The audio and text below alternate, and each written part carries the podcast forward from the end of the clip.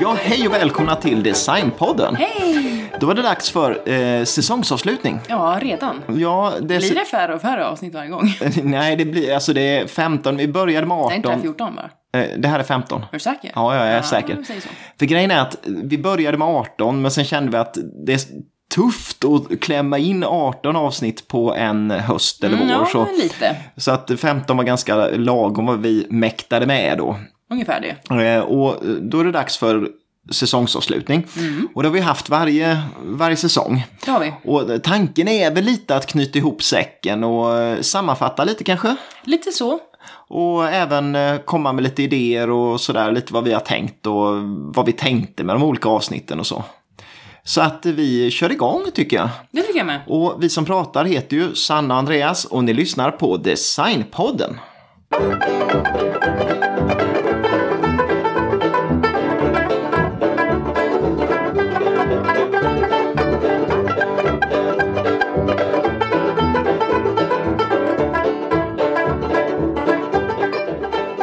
Ja, alltså, eh, den här säsongen så, ja, vi fick ju tips om att kan ni inte köra lite Bauhaus? Ja, det gjorde vi ju och eh, det följde vi väl. Mhm. Ja, så det, att säga. det- vi gjorde ju det.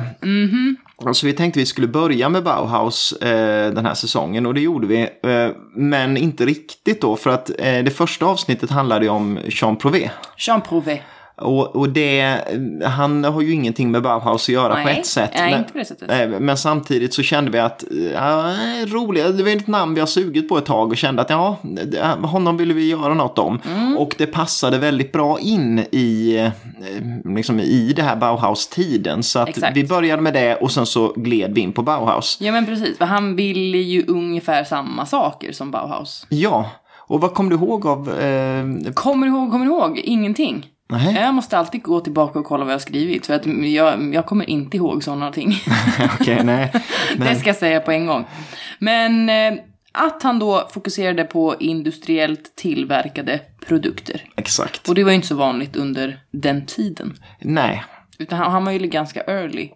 Ja, med det här att det inte var, ko- alltså det var inte, ha- alltså det viktigaste var inte att det var hantverksmässigt tillverkat. Många av de här var ju från snickarfamiljer och sånt där, men, men där handlar det om att industriellt tillverka föremål eller byggnader eller vad det än handlar om. Precis, precis så.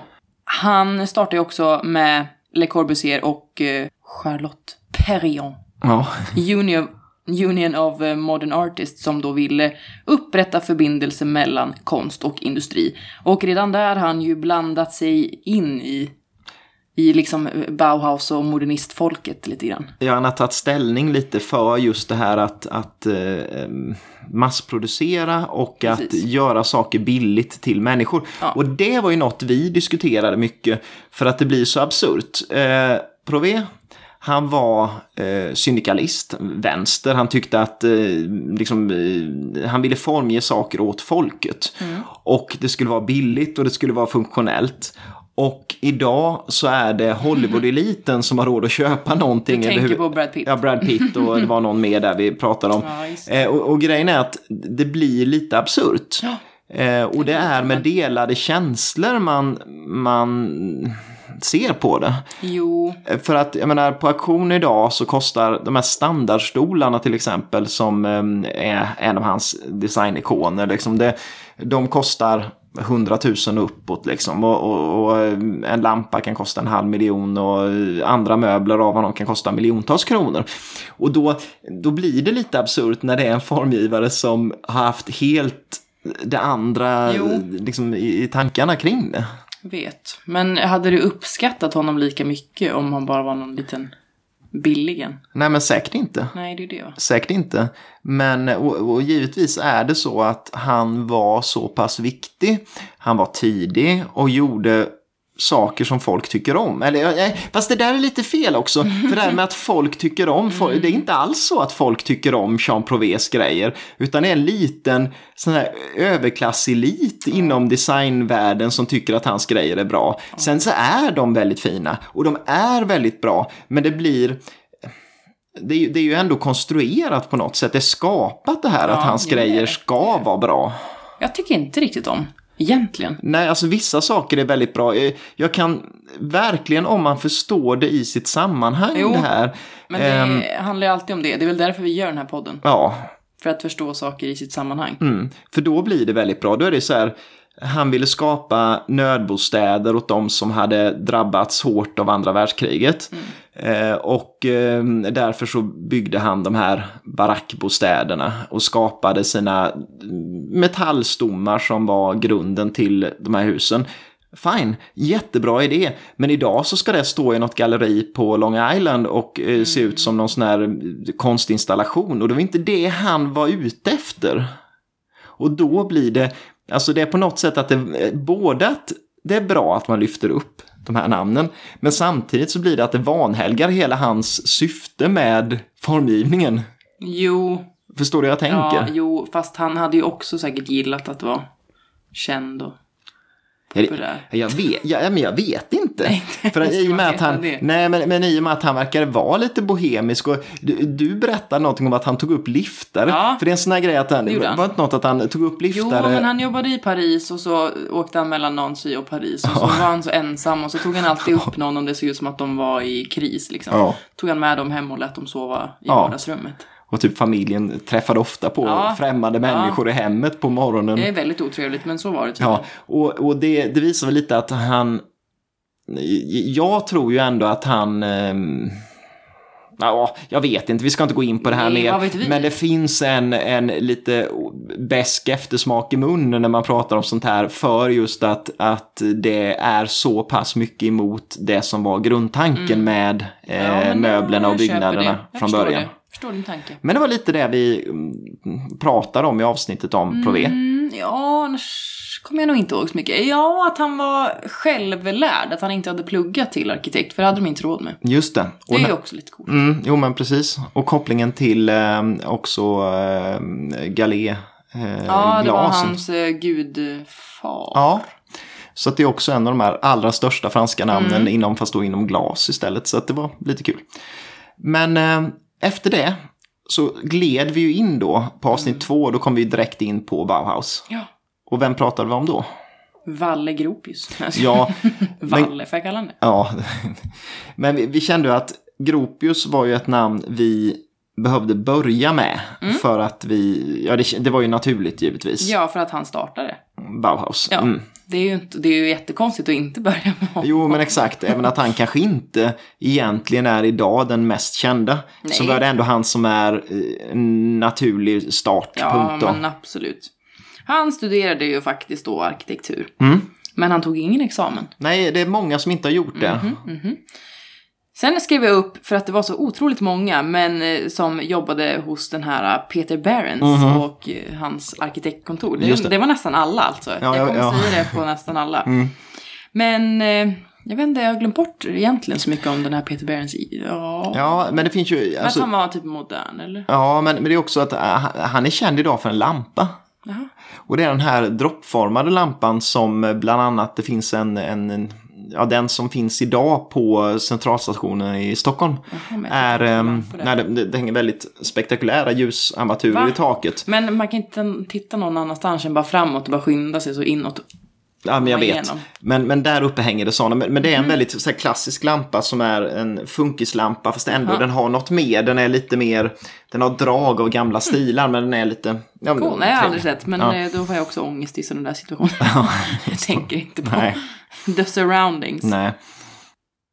Annars då mer än Bauhaus så tänker jag att eh, d- nazis leder till att han måste fly landet. Ja, och det är ju en, ett sånt där tema som sen kommer med Tema många nazi. av de andra. Jo, men det blir ju... Jo, men självklart, det är ju en väldigt naturlig grej. Men så han emigrerar till London och sen USA och Mm. där blir han ju då professor på Harvard University och Just sen det. blir han till och med rektor för arkitekt utbildningen på Ja, Harvard. mm. ja. precis. Eller arkitekturavdelningen. Mm. Så det går ju bra ändå, Jo, men det gör det ju. trots nazis. Och eh, han hade ju stor, stor inverkan så tillvida också att han, eh, som vi kommer se sen då, det här med kopplingen till eh, Marcel Breuer okej. eh, och att han hjälper honom i England och så också. Så att eh, många av de här Hjälper hjälper ju överallt. varandra. Ja, Oh precis. ja, oh ja, oh ja. Eh, men eh, Walter Gropius, ja, stor. Och det, det vi märkte med honom också, det var ju att med många av de här Bauhaus-formgivarna, de är ju arkitekter och det blir ju mycket byggnader eh, när man läser om dem. Och vi fokuserar ju inte på den typen av arkitektur. Nej. Eh, Men samtidigt har vi ju då i avsnitten givetvis nämnt en del kring husen för att de är jätteviktiga men, men det är inte det vi har velat fokusera på. Det är ju inte arkitekturpodden detta. Nej, det är ju inte det. Och vi kan inte riktigt tillräckligt mycket om arkitektur. Gud, nej, nej, nej. där kan jag inte... Nej, det, det där Öppna blir mun. det. Nej. Moving on eller? Ja, jag jag tycker vi gör det. V- Vem var nummer två i Bauhaus-delen där då? Ludwig Mies van der Rohe. Ja, och d- honom kör vi bara för vi vill ha ett riktigt stort namn tidigt känner jag. ja, ja. Eh, För Ludvig Mies van der Rohe eh, känner ju väldigt många, alltså det är ju få som inte har hört namnet. Sen så kanske inte alla vet exakt vad han har gjort för grejer och sådär men... Fast en inte av- hans födelsenamn. Nej, som vad hette- var, Nej, var det Maria Ludwig eller Ludwig Maria? Maria Ludvig tror jag. Mies? Maria Ludvig Mies, Ja. ja. Och Maria, Ja, det, Jag ja, vet fortfarande inte, men det är spännande. både män och kvinnor kan heta Maria Det tydligen. verkar så, ja. Han eh, är då också arkitekt, eller är, var. Ja, Han fick sitt första uppdrag redan som 20-åring, det är ju eh, ingenting. nej det är ju Egentligen. jätte, det är ju ångestladdande eftersom eh, Då visste själv, man inget. nej. Nej, gud nej, usch. Han jobbade också för Peter Behrens. Mm. Jag kommer ihåg en sak som jag bara tyckte var lite rövigt. Och det var att han typ höll sig flytande med hjälp av sin eh, förmögna fru. Så var det väl. Ja. För att det var hon som hade stålarna Ja. och gjorde att han kunde hålla på Ja. med det här med formgivning och sånt som var lyx. Precis, va? Ja, innan han blir famous då, för sen går det ju uppenbarligen Jo, av sig själv. givetvis. Men, så det tyckte jag var lite sådär, sisådär. Mm. Sen blir han 26 ordförande i Deutsche Werkbund. Just det, och Deutsche Werkbund är ju då eh, en, en liksom för, förlagan till Svenska Hantverksföreningen egentligen som vi har Kan man pratat mycket om tidigare. Har samma grundsyn. För det är en, Mm. en organisation som vill då förena det här hantverket Yes. med industriproduktion av yes, yes. föremål. Och det går ju hand i hand givetvis med Bauhaus. Exakt. Han var också rektor för Bauhaus i Dessau mellan 30 och 33. Men Mm. så vet vi vad som hände där också. Det blev inget med det när Nej. nazisterna kom och, och si och så. Och han emigrerar också. Det finns en jättefin bild på eh, Mies van der Rohe när de har stängt Bauhaus. Asså. Eh, för då åkte de och söp sig fulla ute på landet. Eh, och då sitter de där och dricker eh, någon stark vin eh, ut, ute vid någon sjö. Mhm. Just. Och firar typ. eh, Firar. ja, nej jag vet inte men jag tror att de, de kände så att "Nej, nu stänger vi ner skiten för nu, nu vi vill inte. För de, de fick ju påtryckningar från Ja, ja, nazistregimen. va? Och, och eh, jag tror att de bara kände att det är dags att lägga ner. Mm. Så att det är en, en vacker bild. Vi kan, kan lägga ut den på Instagram för Ja, att den kanske är måste det. lite rolig ändå på något sätt i sammanhanget. Men um, Mies van der Rohe, det jag vill nämna om det avsnittet också, det är ju att vi mörkar ju ganska mycket den person som har väldigt stort inflytande i eh, allt som eh, eh, han gör under Bauhaus-tiden. Och det är ju Lili Reich som är Yes. en, ett, ett jättestort namn inom Men vi Bauhaus. mörkar ju bara för att vi ska prata om henne också. Exakt, Det vi, är kom, inte- vi pratar ju om henne lite senare. Men de möblerna som idag är de här MR-möblerna har ju hon nästan alla Ska jag inte möblerna hon säga varit inblandad the i. mest famous av, av som alla har gjort också? Jo, Vad är det man tänker på? för jag skulle säga att det är ju Barcelona-fåtöljen Ja, då som men det håller jag är med om. den, den eh, möbel idag som är mest känd av Mies van der Rohe. Även att kanske inte den är den bästa eller mest typiska för honom. Eh, Men Barcelona gjordes ju till eh, världsutställningen i Barcelona 1929 och eh, den gjordes ihop med eh, Lili Reich då. Yes. Och den, det var en sån, en pjäs som gjordes till, eh, liksom s- som en sittmöbel till den här paviljongen. Och den eh, har ju alla sett och vi behöver inte beskriva den något mer. Men eh, det är ganska tragiskt när man ser, för det är ju det vi kom fram till mycket när vi pratade om den, att, att det är ju en helt annan fåtölj idag än vad den var när den kom. Ja, du säger det. Jo men den är ju, för idag är den ganska klumpig och ganska Ja. tråkig. Eh, noll tillverkar den idag i, eh, liksom i en ganska, ja men det som förstör mest tycker jag är dynorna. För att grundformen är ju ändå i- i princip densamma. Men eh, av någon anledning vill ju Noll ha dels sån här kanalsytt, eh, knappsytt läder i dynorna som gör att de, det blir ganska fult. Tycker det här med noll är svårt ja. Varför, varför, jag vill så gärna säga K också. Ja, men- men det blir något helt Jag annat. tror det uttalas Noll. Ja, men jag, man kan inte säga med K. Eh, Vi är ju dåliga Men jag på förstår inte varför uttal, det är men, där. men jag det tror... är ju engelska. Ja. Det ska man väl kunna. Men jag behöver, nej, jag blir irriterad varje gång. Det ska vi inte prata om. Nej. Utan vi ska prata om Le Corbusier. Det är ju en sån här kul... Han hette väl inte det? Nej, han heter något helt annat. Charles Edouard Jeanneret. Ja, Ex- min franska är ju awesome, det vet ni redan. Ja. Mm. Men det heter han i alla fall. Men det var ju väldigt hippt att ha så här ett namn. Eh, Det var väl det, och eh, egentligen var väl det mer än bara att skaffa ett, ett kul namn, utan Ja. bara att han ville ha en, en ny En- persona. Ja, precis, precis. Han ville ju liksom koppla bort lite. Sin, sig själv, utan... mm, Lite det, så. det var lite som, ja, men som Günther eller som... Nej men säg eh, inte Günther, vi har nyss pratat om Günther. Nej, eh, usch. nej, Eller usch. ja. Men eh, nej, nu pratar vi inte om namnet mer. Utan Nej. Mm. han var ju då också arkitekt och han fick också sitt första uppdrag som 20-åring. Jag fattar inte hur, hur snabbt går det. Fine, man börjar ju när- med utbildning när man var yngre och si och så. men ja, och kanske på den tiden ännu tidigare än vad man gör idag, men... Skitkonstigt i alla fall. Och han jobbade också på Peter Berens arkitektkontor. Just det.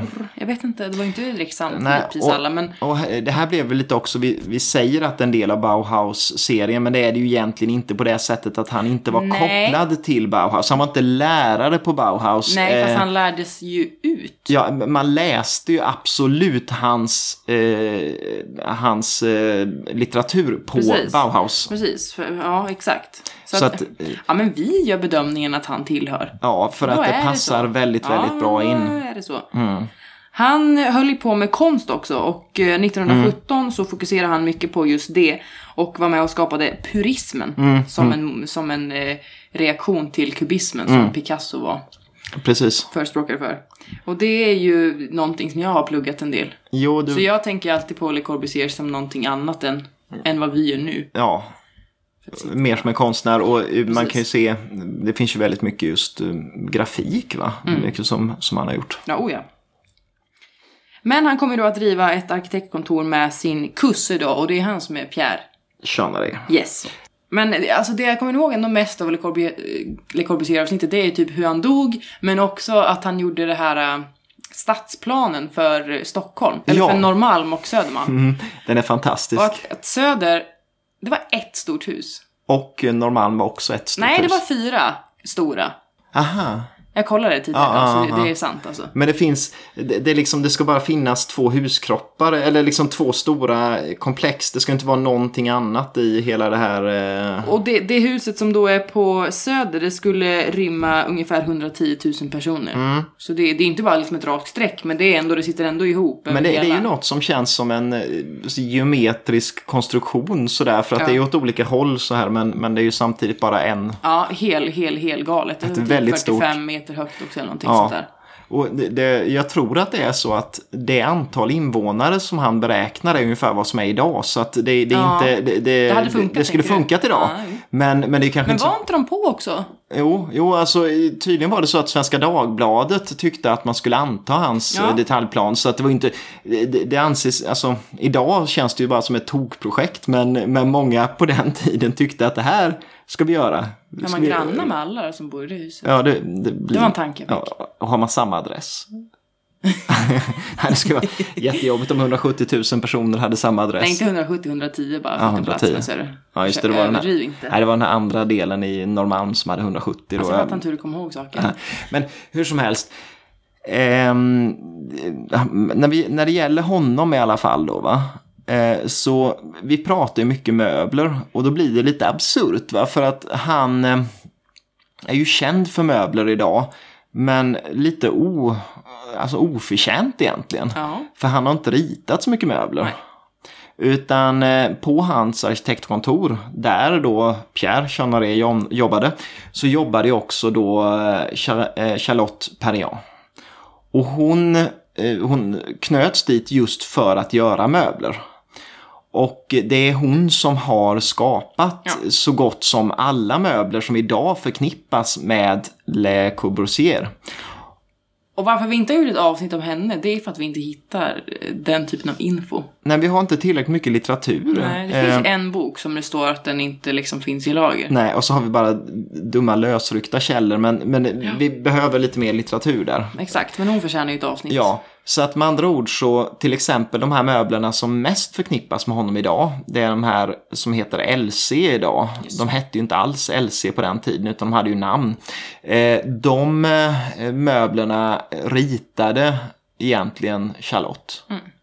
Och det var det inget hymmel om på den tiden, även om man gav ut dem som någonting skapat av de här tre formgivarna tillsammans. Så det är väl rätt naturligt kanske med tanke på att de jobbade på samma arkitektkontor. så Men att, det där blir ju det här avsnittet vi gjorde för inte så länge sedan om det manliga geniet och så vidare. ja, så det, det, Utan det, det är ju alltid en eh, diskussion som finns. ja, det är en diskussion som finns. Ehm, Alltid. Och det kan vi inte alltid köta om. nej, så vi går Men det är vidare. så det ligger men, till. Ja, En till jättekonstig sak med honom var att han, han bar runt på en, eh, ja. en kota från sin döda fru i Ju- fickan. Just det, han hade antingen i fickan eller i skrivbordslådan. Det kommer jag ihåg. För att, ja. Och så hur han dog Ja, just tycker jag inte det. vi tar upp nu. För Ja. att, eh, ja men då, då får man lyssna på avsnittet. Jaha, för att oj, oh cliffhanger. Eh, Cliffhanger. Men, men vi har Wow. sagt det både i avsnittet om Eileen Gray och i Ja, avsnittet det om också. honom. Och vill så ni att- veta den kopplingen? så lyssna får på ni lyssna något på av de båda Eileen avsnitten. Jajamän. Bra älskling. Nu Mm. är det Lilly. Reich. Nu är det Lili Reich. Och det var skönt att göra ett avsnitt med henne för att hon är ett, ett av de här bortglömda namnen som inte är bortglömd av en slump. Nej. Utan hon är bortglömd för att hon eh, var, kvinna. kvinna. som var framgångsrik i Tyskland och i världen på eh, den här tiden. Eh, och det det är ingen slump att hon var hon, for- hon formgav väldigt fina möbler och på, helt på egen hand och hon formgav väldigt bra saker ihop med eh, Mies van der Rohe, till exempel då Barcelona-fåtöljen. Men idag nämns hon inte ens när Barcelona nyproduceras, vilket är bisarrt. Ja, det typ- tycker jag. Eller någon av de här andra möblerna som formgavs samtida som, som Barcelona. Eh, så att vi gjorde ett avsnitt om henne. Ja, vi hade ju inte eh, samma eh, liksom jätte... Eh, Men det fanns inte referenser i- lika mycket om henne. Eh, eh, visst var det så att, att eh, MoMA, M- Museum of Modern Art, hade gett ut en, eh, en bok om henne. Mm. Ja, men och eh, väl det var den vi hittade. använde. Sen var jag tvungen att kolla lite Wikipedia, men där ska man ju alltid vara sjukt skeptisk för att Jo, det, det är exakt. oftare inte helt stämmer. Ofta är till och med födelseår fel ja, och sådär. det är så små saker. Eh, nej men alltså eh, hon, eh, hon är ju utraderad. Eh, men samtidigt finns det en hel del kul och hon var ju mer än bara så här möbelformgivare. Eller så. Ja, men alltså hon gjorde ju lite allt möjligt. Alltså först och främst så föddes hon ju in i en ganska rik familj och Mm. det är klart bra när man var kvinna. Det gör ju allting lite lättare. Ja, hon hade ju inte kunnat jobba med det hon eh, gjorde om hon inte Nej. hade varit rik. Precis va. Sen så eh, jobbade hon hos eh, Josef Hoffman Mm, som vi har kommit in på lite olika gånger. Med det här, vad heter det, Wienerverkstedt. Japp. Och hon eh, var då med i de här innersta kretsarna i eh, Verkbund ganska på en gång. Och det, Precis. det var ju inte ens nästan en, en vanlig sits för en, en kvinna. Nej. Och hon tjänade ju inte liksom pengar på det arbetet så hon var ju tvungen att vara förmögen för att kunna Mm, jo, men för arbeta att med det och så kunna... vidare. Men hon eh, designade ju också kläder, Ja, hon exakt. gjorde hela utställningar. Ja, hon egentligen var gjorde väl det här ju- utställningsarkitekt Ja. då som hon var främst som. Ja, faktiskt. Eh, var duktig på det här att, att visa produkter. Och det var väl kanske inte heller så vanligt på den tiden. Eh, kommer ihåg det här att, att hon bland annat eh, gjorde skyltfönster till Elefanten Apotek Ja, just i det. Tyskland. Där hon, eh, då ett apotek, men där hon faktiskt istället för att visa produkter visade produkter då i viss mån, men ihop med hur man gör dem. Ja, så att det blir en så kul spännande. grej. Man visar liksom den här labbutrustningen och motlär och Ja. grejer. Och då blir det en kul grej för folk att kolla på. Och då blir det någonting annat. Va? Ja, och, eh, och hon anlitades ju mycket f- på grund av att hon kunde Ja, men hon kunde ställa ut linoleumgolv och hon kunde ställa Just det, ut allt tyger. möjligt. Ja, det är eh, och jättesmart. sånt är jättesvårt att skylta normalt sett. Ja. Så att eh, givetvis så är ju det någonting som hon var extremt duktig på. Ja, oh ja. Men eh, absolut just det där med att hon visade liksom råmaterial och hur det blev till och sen vad det blev. Och det är klart det man vill se.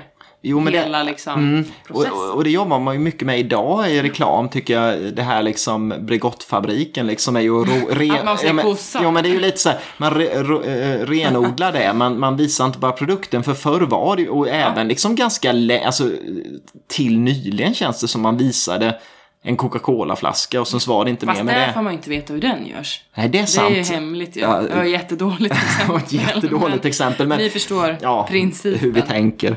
Annars kan jag tyvärr inte säga att jag kommer ihåg så mycket. Det kanske var för att källan var lite sämre än vanligt. Men, Mm, eh, men det var jag att- hittar ju inget om privatliv överhuvudtaget. Så där är jag absolut Nej, ingen inte mer koll. än att, att, att hon och eh, Miss van der Rohe antagligen var ett par, åtminstone under perioder. Ja, det Eh, kan men, man men, väl det, kanske- men mer än Det det. är inget vi vet. Är det? Ja, det vet vi väl. Gör vi? Ja, vi vet allt om, om folk. Nej, Ja, alltså det stod ju att Mys vänsterprasslade och sist så va? ja, men det, Ah. nej, men hur som helst. Nej, men det, det enda man kan dra slutsatsen där tycker jag är att, och inte då om, om de var ett par eller inte, utan Mm. om, om grejerna, så, så är det ju att, att hon gjorde väldigt fina saker Ja. och att det finns mycket där som inte finns i produktion idag, som borde finnas i produktion för att det skulle fungera jättebra i 2000-talet. Eh, Det finns ett, ett trädgårdsbord som var min favorit där av hennes grejer. Bara just för att det är så enkelt och så snyggt.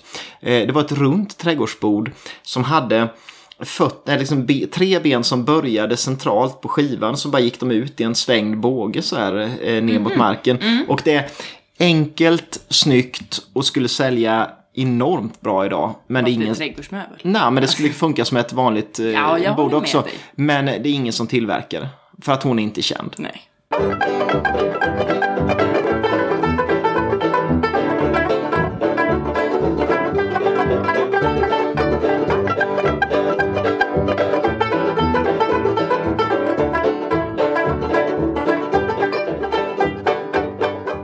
Vi går vidare. Mm.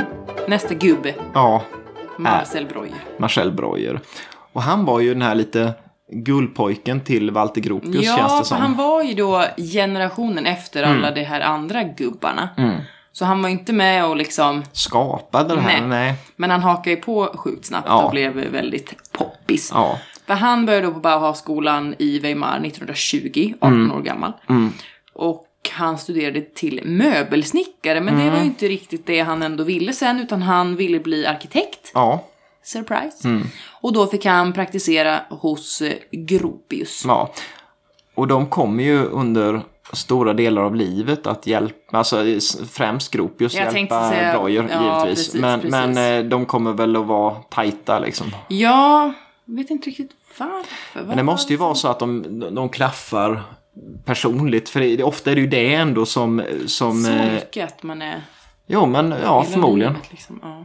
ja, för först så hjälpte han ju honom i England när Mm. han emigrerade dit. Har lite glömt bort exakt hur. Jo, men det, men det var ju så att för Breuer har ju till... Alltså Breuer idag förknippas med stålrörsmöbler. Ehm, och med all rätt liksom, för han gjorde mycket möbler i stålrör. Men Marcel Breuer har också gjort en hel del böjträmöbler som är väldigt tidiga och är väldigt fina. Som han gjorde i eh, England. Just det. Och det kontraktet med firman i England, Isocon tror jag den hette, den de tillverkar sen idag, men Mhm. man tänker inte, alltså det, det är inte så Mm, välkänt, men eh, de, det, det kontraktet fick han tack vare Walter Gropius. Ja, men ja, exakt va. Sen bodde de eh, nära varandra Mm. Ja. i Berlin och sen när Gropius då blev lärare på Harvard så, och rektor och så Mm. vidare så kom han ju då faktiskt att anställa Marcel Breuer Exakt. Mm. också på Harvard. Så han flyttade till USA och jobbar också på Harvard och det, ja, Jo, De har ett gemensamt arkitektkontor där också. just det, just det. Sen kommer jag ihåg att de blev ovänner en kortis. Mhm. Bara för någon jätteliten sak. Jag tror det var att Grop just kom sent till något möte eller någonting. Ja, men just att det, det pågick inte speciellt Nej. länge och sen var de bästa polare igen. Ja. Mm. Men i alla fall, lite tens. Ja, men eh, Marcel Breuer är ju ett sånt där namn som många som gillar stålrör åtminstone och lite funkis har ju känt, ja, liksom vet ju vem det är. Och eh, det var kul att få lite mer info om honom. Ja, Och jag jag tyckte det kommer var... inte ihåg så mycket. Nej, men jag tyckte, det var Eller- kul. Ja, men jag tyckte det var kul just att se de här grejerna som inte är eh, de här stålrörsmöblerna som görs under en väldigt kort period. För att många av de här formgivarna eh, förknippas ju med möbler de gör kanske under fem år Ja. av hela sitt yrkesliv. Men, men ehm, eh, Marcel Breuers eh, böjträmöbler är ju lika bra som Alvar Aaltos Mm. grejer. Men eh, ändå är det ju allt om man tänker på med böjträ och eh, det är stålrör. Ja, men... What ty- about Tony? Nej, jag skojar. Ja, Men var det inte Breuer som var lite snygg också? jo, det var han. Var det Typ den enda. Jo, för, Alltså nu ska vi inte prata om utseende, men jag bara, kom, jag, jag bara tänkte på vad jag kommer ihåg och inte... ja, det var Jean Prové var ju väldigt snygg i de här tidiga bilderna från... eh, när Ja, det var han hade- Johan också. Ja. ja okej, två. Ja, ja. Bra, bra, bra. Sen kom en kvinna till, om du är klar. För att jag känner mig helt nöjd. Mm. Jag känner mig nöjd med Breuer, för att ja. Jag var så less där på slutet. Ja. Jag tycker ju inte att det är så kul med Bauhaus. Nej, jag gillar ju sånt mer än ja, dig. Men, ja. Mm. verkligen. Så det var skönt när det var över. Men Hennix däremot, Margareta det Henriks. var ju lajbans. Ja, Tycker jag. av flera skäl, men det är också att d- d- då var det tillbaks till Sverige igen. Ja. Vi var lite less på bara att möbler och byggnader hela tiden. Nu var det ju då keramik och eh, glas. Ja. Och det är ju dessutom en, en kvinna och en kvinna som mm, liksom är lite mer nutida. Hon lever ju fortfarande Ja, oh och aktiv fortfarande och så vidare. Så att hon, hon är ju en, Kul, orange hår, ja, lajbans. och väl, alltså väldigt, väldigt fina saker. Väldigt fina saker. Jag kommer ihåg att hon gick på Nyckelviksskolan som var något lite konstnärligt redan liksom Mm. från början. Precis som, som Malmsten var inblandad i och så vidare. Ah, Ja. Mm. han, åh. Och att hon, att hon fick eh, ställa ut teckningar på, på en utställning på Nationalmuseum Mm. redan som 18-åring. Ja. Och att eh, någon kung som köpte någon teckning. Mm, mm. Någon kung, jag vet inte vem som var kung då. Det- Alltså kungar, där, där kan jag noll. Hon eh, gick ju då, eller gick, hon var ju en sommar på det här äh, Kapellagården som Eh, Malmstens Ja, gård på... precis, och då var han väl helt galen. Ja, Eller, jag tror det var så här gudstjänster varje morgon och de fick inte lyssna på radio, och det var- de fick inte göra det och det. exakt. Och, och jag tror hon bara vävde trasmattor. Mm, jo, men så var det. Ja. Precis. Så det, ja. Jag vet inte, jag gillar inte Malmsten. Jag Nej. viskar det som att det inte hörs. Ja, nej. men men jag vet, nej, det är någonting. Ja. Men ja, nej, men så det var väl ingen jättehöjdare. Men eh, annars så gick hon då på Konstfack och Högre Konstindustriella skolan. För att Mm. det var alltså en del av Konstfack, men som var man behövde söka till igen. Precis. Och det var ju Stig Lindberg, som jag inte heller gillar så mycket, som var lärare på HKS. Ja. Och då hade de, eh, vad hette det, skisskritik eller? ja. ja, skisskritik Ja, hade de där ja. man skulle då... d- d- De, vem som var bäst och var sämst och allting. Mm. ja, man skulle pratade de om gradera alla. det. Ja, jättetrevligt. Men eh, där gick hon och det gick ju skitbra och hon Mm. fick, eh, vid examen så fick hon skolans största stipendium av eh, rektorn. Mm. Och sen knyts hon till Gustavsberg. Ja, Stig gillar nu ändå så Ja. att det var ju tur. Och hon, det vi pratar om hennes grejer så, det är mycket 60-talsprylarna som Mm. vi gillar mest. Alltså jag är besatt av potterna nu. Jag, Mm. jag letar på Tradera igen. Ja, för där har vi ju naturligtvis då eh, den här eh, flaggjunkare Ja. som är den mest kända. Junkare. Ja. Vad är det egentligen? Ja, Va? ja. Junkare? Jag vet. Det var så här, jag, nej, jag vet inte. Jag, jag har inte gjort militärtjänst. Jag vet Jaha, inte. det har något med det ja, att det göra. Okej, måste ja, det ha att göra. nej, jag har ingen men, aning. men, men eh, g- grejen är att eh, den är väl mest känd. Det är den Mm. här Heja Sverige friskt humör. Den gjordes till eh, OS i Mexiko. Ja. Eh, där eh, den liksom, det gjordes svenska flaggan på ett föremål som var avsett att kissa i och det tyckte folk Det är var ju så fruktansvärt. kul. Ja, då, liksom. fantastiskt, Men sen har du gjort andra saker i samma Ja. period. Det är väl- det är ju den här elefanter som är, eh, där det är en elefantmamma som föder På pottan ut. också? Ja, som, som Nej, föder ut men det har inte elefantungar. jag sett. Ja, jag men har den är sett jättefin. Stjärtan på en potta och så den här ängen med boobies. Ja, elefanten är väldigt fin. Va? Ja. Det låter ju fair. Jag tror bara den heter elefanter. Men jag har inte sett Ja. någon. Ah, ja. Ursäkta, Ja. Men, men eh, det pratade vi om givetvis. Och sen så just det här att hon var så himla duktig på att överleva. Va? Eh, trots att, Överleva. jo men Gustavsberg Ja, du menar så. går under på sent 80-tal i praktiken.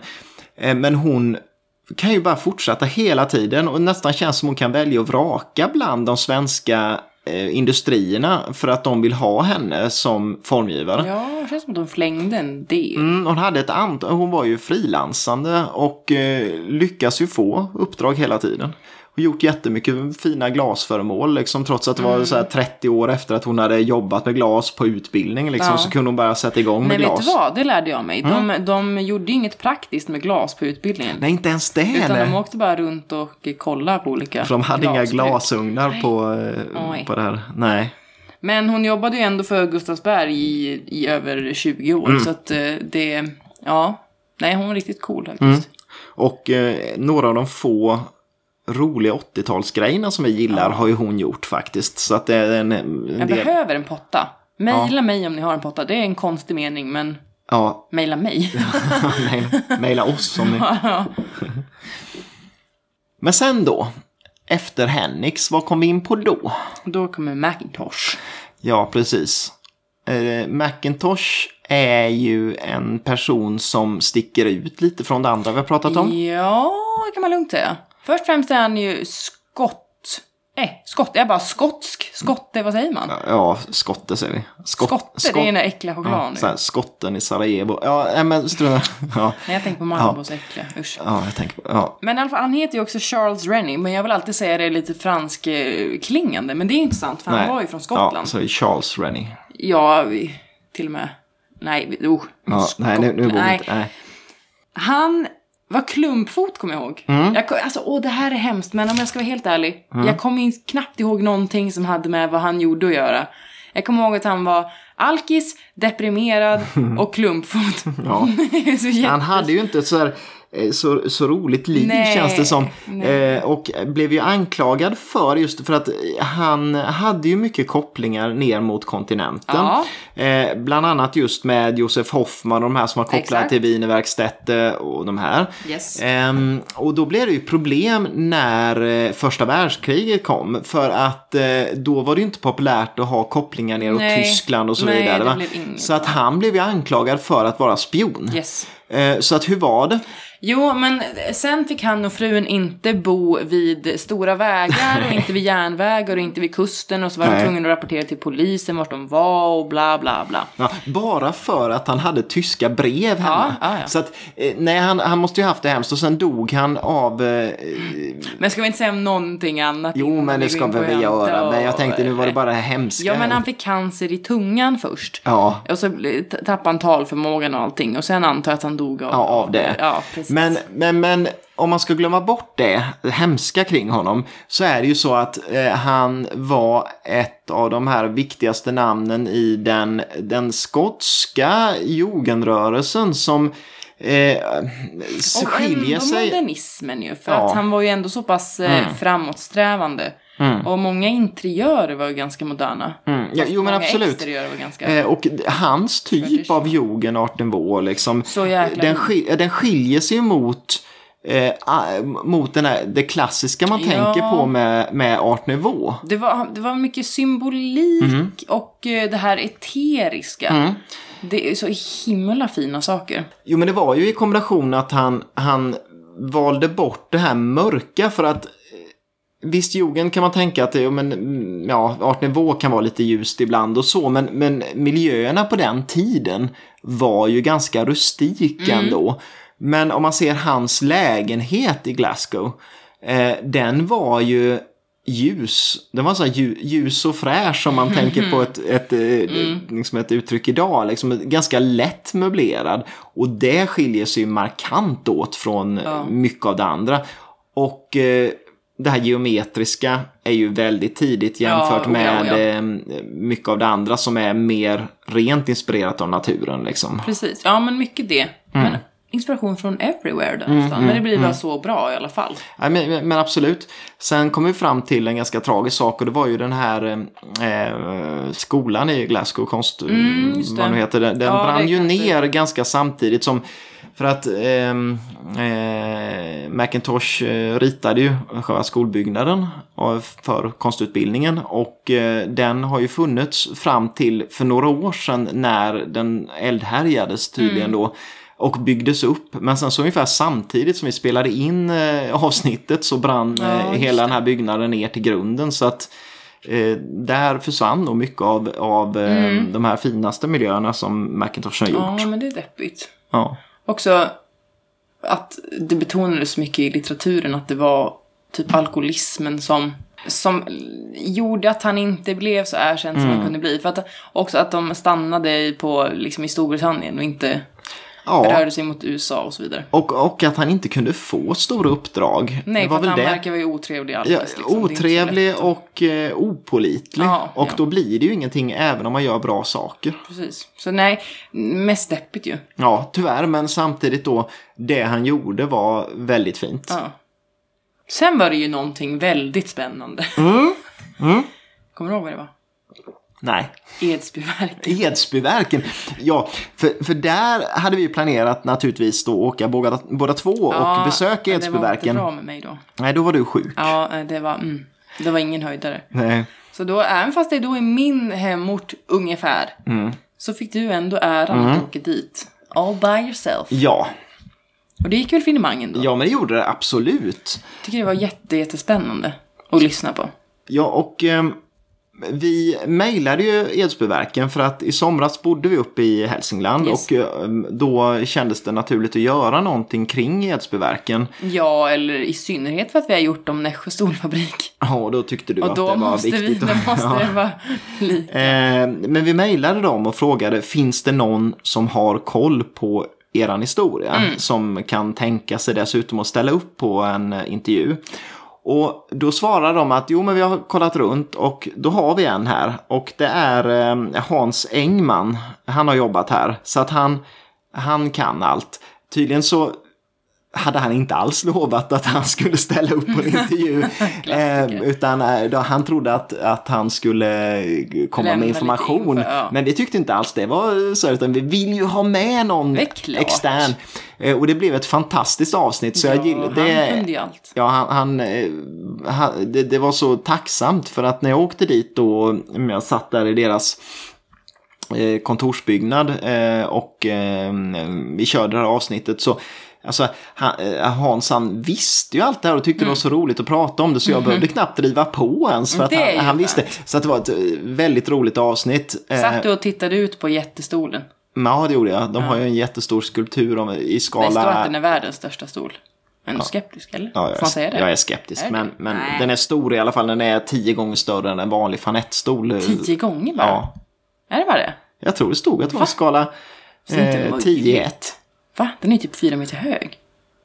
Det är bara tio gånger större. Jag vet inte. Jag tror- jag tror du ljuger ja, också. Strunt samma. Men, men det här var ett kul avsnitt. Jag tycker att, att eh, har man, vill man bara lyssna på ett avsnitt från säsongen så tycker man ska lyssna på Hans. Oh, Eh, för det är att, så. eh, Men det- för att det är jag inte kul. var med. Ja, det är för du. Fan. Nej, men, Men men det, jag har ju bästa anekdoten. Fast Ja, jag inte det- ens var med. just det. Det, jag tar mycket pride i det. Eller det Mm. var min mamma som sa det. När hon hörde att vi skulle göra med Edsbyverken. Ja. Då sa hon att, att hennes farmor sa alltid till, till henne att, att vi var väldigt långt, eh, lång, väldigt långt ifrån släkt med Hillevi Rombin Mm. som då var Miss Universum. Och som var med på massa reklam för Edsbyverken. Just det. Så där känner jag ändå, Ja, då har du pride. Mm. kopplingen till Edsbyverken. Ja. nej men Miss Universum. Exakt. det är väl det. Men, men, eh, men det jag, om jag säger vad, vad jag kommer ihåg av Edsbyverken annars då, det är ju just det här att Kanske främst kring oklarheterna kring eh, Ilmari Tapiovaara. För att eh, av de som tycker det är kul med retromöbler och sånt tänker ju på Fanette och Mademoiselle som Ja. är två stolar som Tapiovaara formgav för Edsbyverken. Men Edsbyverken på den tiden var ju inte ett designföretag utan de tillverkade ju möbler kort och gott. Liksom. Och de, de var inte noga med att ta tillvara på sina rättigheter och det här med formgivning och så. så att eh, Tydligen det finns en finsk tillverkning av fanett som inte Edsbyverken ens idag kände till att den fanns. Ehm, och Mademoiselle tillverkades väl uppenbarligen ursprungligen för Edsbyverken men eh, Asko i Finland tillverkade den parallellt. Mm. Men vad var det? Det var Lena Möbler som la ut på Instagram. Och inte alls nämnde Edsbyverken när de betonade Mademoiselle. Då blev jag ju förbannad. Så Jo. kommenterade jag. Men de svarade inte ens på den Nej, kommentaren. nej, fy på eh, Ja, fy. Lena Möbler. Men, men, men grejen är att det, det, det blir lite så här, eh, det är så komiskt när det är möbler som är extremt viktiga. Ja. eh, Men det finns en ganska oklar historia kring. Och sen tycker jag också man kan nämna att eh, ehm, just Fanett formgavs ju. Skålat. Ja, men att Fa- Fanett formgavs ju inte av Ilmari Tapiovaara. Nej. Utan Tapiovaara togs in som formgivare för att formge en viss variant av Fanett.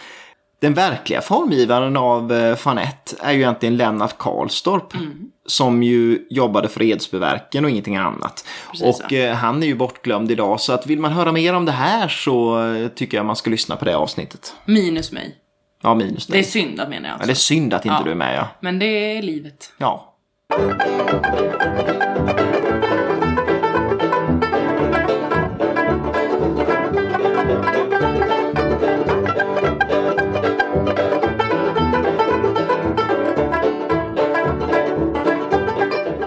Sen då, eh, efter Edsbyverken, då var det ju dags för ett vanligt avsnitt igen va? Kommer inte du ihåg någonting? nu? Nej. Nej. Då var det Gio Ponti. Gio Ponti. Ja, Italien. Mm, och det är ju roligt av flera skäl, men dels är det någon som inte, liksom, det är en eh, italienare. Italienare fast som eh, ju ändå försöker jobba lite emot det här klassiskt italienska. Mm. Och eh, det är höga klubbslag och det gillar vi också. Ja! Ja, det är Klart vi gör. dyrt, dyrt och exklusivt. Ja men det är roligt. Jag vet inte varför jag blev skånsk när jag sa det, men det är roligt. Ja. Han eh, är också arkitekt. Jag vill säga är. Det blir, det blir så levande när vi, läser Mm. när vi om pratar dem, så jag om tror dem, Att, ja. de, att de lever. Och han startade tidningen Domus som Mm. då handlade om eh, arkitektur och så vidare. Och det var ingenting som var vanligt på den tiden utan Mm, Nej. han var väldigt eh, unik med den tidningen. Han var med och eh, organiserade triennalen i Milano 1933. Just det. Det är ju inte dåligt det heller. Nej, nej. Och han ville ju också likt Verkbund förena design och industri, fast Exakt. då i Italien istället. Ja, men det var ju det han ville med Domus, va? Ja. Eh, Att, att just det här eh, kunna serieproducera. Och eh, det är ju ett genomgående tema för de flesta av dem vi har pratat Ja, om i men den här verkligen. säsongen. Och han ville ju i synnerhet, han, för att Italien är ju ganska l- traditionellt även Mm. idag, så han ville ju få igång hela Italien och bli lite mer moderna. Och då tänkte han Mm. Exakt. att det kan han göra med den här tidningen. Och han anordnade en massa tävlingar och Mm, priser för att få dem att eh, bli lite mera moderniserade så att man kan konkurrera lite med resten av Europa. Mm. Så att han, han anses vara väldigt viktig för Italien. Jo, men, jo men absolut och, och just det här att, att eh, ändå ta tillvara på Italiens stora tradition. Lite som den här personen som vi sa upp om då att vi inte gillade så mycket med Malmsten men han just att blicka tillbaka men också ta det framåt i det nya liksom. Det, det var väl det som kännetecknar Rio Ponti. Precis. Eh, ja. Jag tänker på den här randiga Mm, Inredningen. Den randiga inredningen, den här Den är den kontors, coolaste. chefskontorsinredningen som vi kom fram till att det var den coolaste. Det är liksom där möblerna och väggarna är randiga på samma sätt. Som gör att möblerna ser ut som kameleonter mot väggarna. Så- Så sjukt. Ja. Och så pratar vi givetvis om, om superlägare eh, stolarna som idag kanske är mest kända. De är, de är inte jättespännande men samtidigt just det här uttrycket för det här modernistiska inom Geoponti. Precis. Han var ju också med och eh, gjorde Italienska kulturinstitutet i Stockholm som han gjorde Ja. Mm, de där round-fåtöljerna till exempelvis. Och eh, det mest fascinerande med det är att det står kvar än idag. Och Att interiörerna finns kvar. Precis. För visst var det så att Dit när vi ex- bodde där. ja, exteriörerna var inte så kul va? Men, Nej men eh, det tycker jag ju aldrig att det är på moderna byggnader. Det ser ju bara ut som ett... ett hus. Ja, inte Ja. mycket med det va? Men interiör- invändigt. Ja, där hände det grejer. Ja, så det, dit borde man nästan åka tycker jag. Jag kollar lite på Instagram och så. Det ser ju sjukt coolt ut. Ja, och det var Geoponti då. Har du inget att säga om Ponti? Kommer inte ihåg någonting? Nej, jo men jag pratade ju om eh, Äh. superlegian och eh, sen så, eh, nja, men, men det är ju att det finns ju, det, det finns ju två sidor av honom för att dels är det ju det här eh, liksom målsättningen att skapa serieproduktion. Men sen ty- lyckas han ju inte riktigt med det för att det blir ju väldigt exklusivt ändå liksom. Som Prové? Ja, tänker som du? Prové. Ja. Eh, liksom att, att mycket saker är väldigt, väldigt, väldigt dyrt. Ja. Men det är klart att, ja, ja, det jag vill nämna i och för sig nu som eh, vi lätt glömmer, det är ju Fonacetti-samarbetet. Mm. För Fonacetti eh, är ju en, ja, han var väl grafiker egentligen och höll på med, med sånt, men eh, gjorde möbler ihop med Geoponti. Där Ponti gjorde möbeln och Fonacetti gjorde eh, Just det. liksom, eh, Liksom print klädd, på. ja, klädde dem i prin, eh, printade eh, mönster. Och där är det ju en hel del rent fantastiska grejer som är Mm. gjorda. Ja. Och det kostar ju jättemycket pengar, men det ska det ju göra. Det är ju, det är ju liksom två av de största namnen i världen när det gäller f- formgivning och Ja, konst. Italien. Och, ja, i konst, mm, absolut. Och dessutom så är det ju fantastiskt fint. Håller med. Ja, och då kör vi vidare. Och vad hade vi efter Gio Ponti? Alltså det närmar sig ju ändå slutet va? Och det här, här kommer det första som inte är så jättefaktabaserat. Du valde att kalla det geniet som inte fanns. Ja, och jag tyckte att det var ett avsnitt som behövde göras. Ja, men eh, jag håller med om det. Mm, för att så här är det ju att inom formgivningen, precis som inom konsten, så finns det ju en tro eller en vilja att det ska finnas ett bohemiskt geni som har skapat allting. Eh, lite som att Gud har skapat universum genom Big Bang. Liksom. Ja. ja, men det känns... Jag vet inte. Eh, nej, men men det är ju så här att, att liksom, eh, man vill att eh, makarna Eames ska ha suttit själva Ja. och gjort allting. Och man vill att Le Corbusier ska ha gjort sin liggstol som man har hemma. Liksom, och, man vill, och så är det inte så. Nej.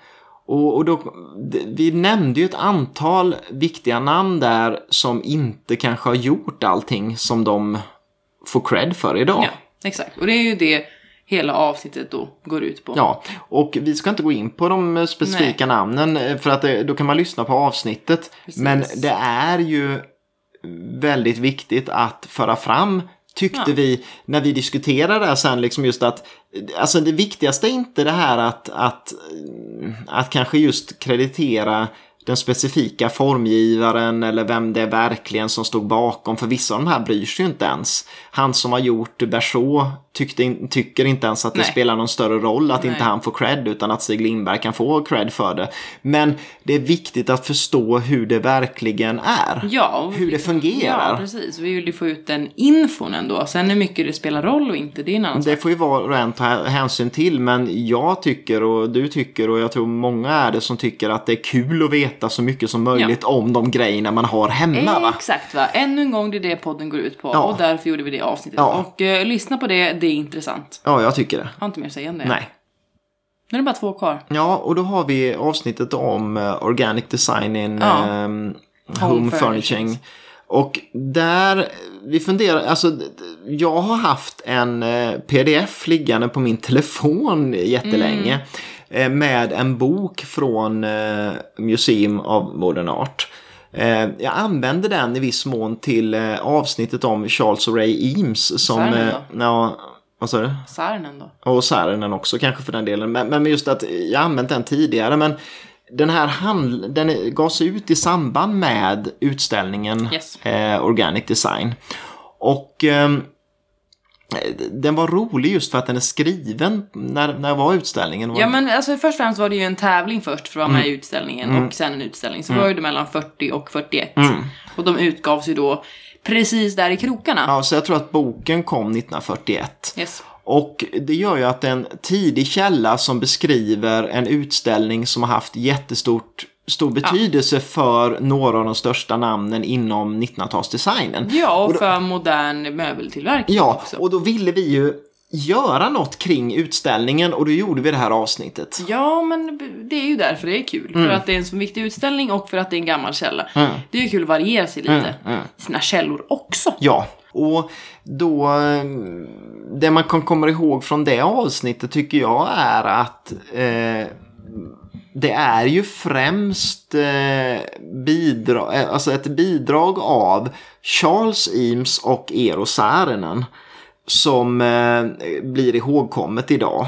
Ja, men det, det var ju ganska solklart. Det var svårt att hitta info om, om någonting annat än bara de två. Och så finns det mycket andra jättebra möbler som gjordes till utställningen som är helt bortglömda. Ja, och liksom hela syftet. Eller det känns som att man kommer bara ihåg Eames och Saarinen. Men Ja, det var ju för de slog igenom som Ja, formgivare bla, då. bla, liksom. bla. Men, men, men, men man tappar, alltså vi kom ju fram till att man till och med, alltså det har varit ute på auktion möbler som har varit med på utställningen men som inte är gjorda av Särnen eller Rims som har gått billigt. Mm. Ja, jätte- I förhållande till, ja men billigt, men jag menar de, för 20-30 tusen kunde du få en möbel som har stått på utställningen. Mm. Ja, och vi- vilket ju egentligen är galet. För det Ja. var ju då, men det var den utställningen, eller så här, Momma hade Mm. ju eh, tänkt länge på hur de skulle ändra Mm. på det här med möbler. För att de matchade inte alls hur man levde och vad man behövde etc. etc. Mm. Nej. Så de ville hitta inte bara prylar som var moderna utan även formgivare Mm, som var moderna. Därför gör de den här utställningen för att verkligen, ja men för att hitta formgivare som kan ändra på detta skiten. Jo men exakt. Och det gör de ju också, men sen kommer det krig och så vidare. Så det blir ju inte så mycket med som det borde ha blivit. Nej. Men eh, tanken var god tänkte jag säga. Men tanken var god och förmodligen är det ju andra världskriget som gör att inte de andra får någon uppskattning liksom. Mm, för att jo. det är att Nej men förmodligen är det ju så att det är Charles Eames och ja, Ray Eames också, de gifter sig precis efter utställningen men eh, grejen är att jag, jag tror att det är att de lyckas dra nytta av andra världskriget istället Jaha. för att de kan få uppdrag genom armén. liksom, Ja, men det får man ju lyssna på i- jo, jo men det kan man, men, men jag avsnittet. tror att, att det är det som gör att, att eh, de blir ihågkomna för utställningen men utställningen i sig ger ju ingenting för att man inte kan Nej, göra någon nej. produktion liksom. Så Precis, att, eh, det var ju det som blev så, så sorgligt. Även fast det lovades ju åt höger och vänster Jo, att det skulle exakt. Mm, produceras och säljas och bla bla bla. Men nej, det blev ju inte så tyvärr. Nej. Men det är ju fortfarande en, en sjukt viktig utställning och eh, mm, ja, vi kan inte bara göra om massa gubbar hela tiden. Nej. Det måste vara lite annat också. Ja, exakt. Ja, och efter det så då eh, går vi tillbaks i historien igen. Ännu en gång. Ja, och då sa vi att, att eh, Macintosh var, eh, stack ut för han var så tidig, men, men Mm. nu är vi ju ännu tidigare. Ja, är det det tidigaste vi Ja, det, har ja, det är det. gjort? Om det är han det föddes ju absolut. ändå på 1700. Ja, och det är Mikael Torné. Yes. Och eh, s- född sent. Sa man turné verkligen? eller? Nej, Du- det är ju det här. Det här är, usch. Du kom ju och gnällde på mig sen att man säger det lite så här franskt Eh, jag- klingande. Jag, jag vet inte varför. Alltså grejen är så att Ja, man vi, kan har säga alltid, tonett. vi har alltid sagt turné. Och det är fel tydligen. För att, och, och det är ju det är ju klart Ja, för också. han är för att, inte Frenchman. nej, han är ju inte fransman och han är inte, utan han är ju liksom, i- han, tysk. Och ty, och jag har ju läst tyska så jag borde veta det här. Han är, det heter tonett. Det känns inte lika bra i munnen. Nej, eh, det känns ju rätt hemskt att vi har kört ett helt avsnitt och Fast det är sagt fel. vi och vi. Ja men alla säger ju nästan jag turné. tänkte säga fjån. Det heter Tonett i alla fall. Jag han tänker hette... inte säga det. Mikael för det känns Tonett. inget Bra. Ja, nej, ja, men, hur ja. som helst. Ja. Han uppfann då böjträ redan 1830. Ja. Cirka 100 år före Alto. ja. Och det är- var ju då ja. Mm. en helt, en helt ny grej och som ledde till en helt ny industri. Ja. Och han var också först med platta paket som han skickade och själv monterade. och det- vill jag betona. Mm. Ja, liksom, och fruktansvärt långt före Ikea. Det, det är liksom, Fruktansvärt eh, långt. Ja, och eh, toné eller tonett, vad man Ja. vill. Eh, det, är, liksom- det, är ju en ty- det har ju skapat en helt egen era eller en egen typ Ja, av möbel. men det är ju det. För man kan skriva så här, eh, liksom att det är en sån stil på möbel. och vet du varför det är så då? Jo, det är för att Höjan knappt fick några patent Exakt. Mm. på den här tekniken. I några länder, men inte i speciellt många. Så att det ledde ju då till en enorm industri med olika böjträmöbler. Mm. Och eh, i början av 1900-talet så arbetade ungefär 35 000 människor med den typen av industri. Mm. Och vi kommer fram, alltså det stod någonstans 1950 som man producerat 100 miljoner stolar. Mm, ja, något sånt. Ehm, och det är ju eh, rent bisarrt mycket. Det är ju verkligen det. Så att, eh, ja. ja. Nej men lyssna, alltså, vad ska man vill man säga? veta mer så kan man lyssna på avsnittet. Men ett tips vi ska ge det är att eh, vill man se hur man gör en stol i böjträ. Och det är ju lite kul för att eh, det är ju verkligen ett hantverk trots att det är industriell produktion då. Eh, så ska man gå in på YouTube och så ska man bara googla på eh, turné eh, och sen så making a share eller något sånt där. Eh, så finns det flera videos där på hur så här, gubbar står och böjer de här Ja, men det är jättevarma trästyckena. Det är jättekul att se hur det är gjort så att gå in på YouTube och kolla det för att det är så här, en kul grej. Det tycker jag. Och sen kom vi fram till sista avsnittet eh, på den här säsongen eh, innan det här då.